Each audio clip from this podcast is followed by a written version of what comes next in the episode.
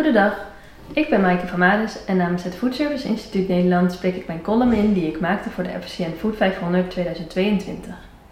De heruitvinding van de speciaalzaak. Als één ding duidelijk wordt in deze FCN Food 500 is dat er een enorme verschuiving heeft plaatsgevonden in waar consumenten hun foodeuro's uitgeven.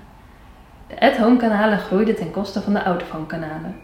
Consumenten konden langere tijd niet uit eten gaan en geen speciaal biertjes drinken op terrassen dus kochten zij vaker duurdere producten bij de lokale slager, de delicatessenzaak en de slijterij.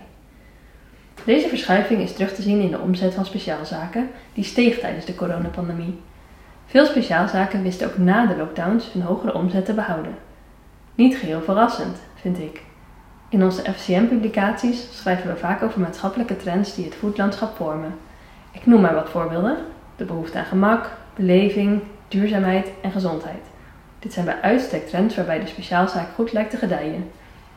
Hoewel deze trends al langer dan de afgelopen twee coronajaren relevant zijn, daalde de omzet van speciaalzaken tot voor kort en kozen consumenten steeds vaker voor de supermarkt.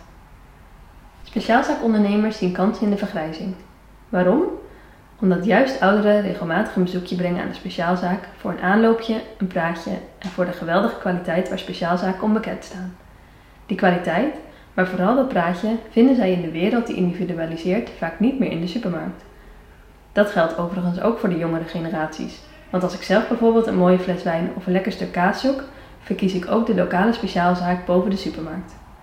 Om de jongere generaties nog beter aan te spreken, gaan steeds meer speciaalzaken online. De online platforms waarbij het aanbod van lokale speciaalzaken wordt gecombineerd, worden uit de grond gestampt. De Lokalist, nummer 480 in de lijst, is daar een mooi voorbeeld van. Ruim 65 winkeliers en boeren zijn verenigd op één website waar de consument in één klap alle boodschappen kan bestellen.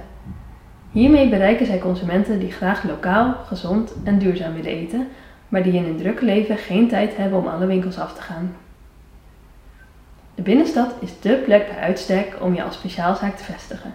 Daar zijn immers de consumenten. Zowel steden als dorpen kampen met leegloop in het centrum en in buurten. Om deze gebieden weer te laten bruisen is een belangrijke rol weggelegd voor de speciaalzaak, die vaak wordt onderschat. De essentie van een centrum is het drijven van handel. Wanneer de blijvende winkels bij elkaar worden gecentraliseerd, ontstaat een compacte binnenstad die als het ware fungeert als openluchtwinkelcentrum 6 AHXL cabriolet. De grote vraag is nog, zijn deze veranderingen blijvend of verliezen speciaalzaken straks toch weer hun klanten aan de almachtige supermarkten? Als je het mij vraagt, hebben speciaalzaken de afgelopen jaren bewezen dat zij een unieke positie innemen in de foodwereld.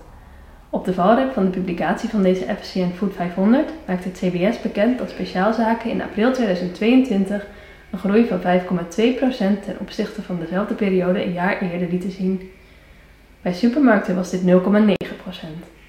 Speciaalzaken hebben hiermee opnieuw en blijvend een plek in onze samenleving veroverd.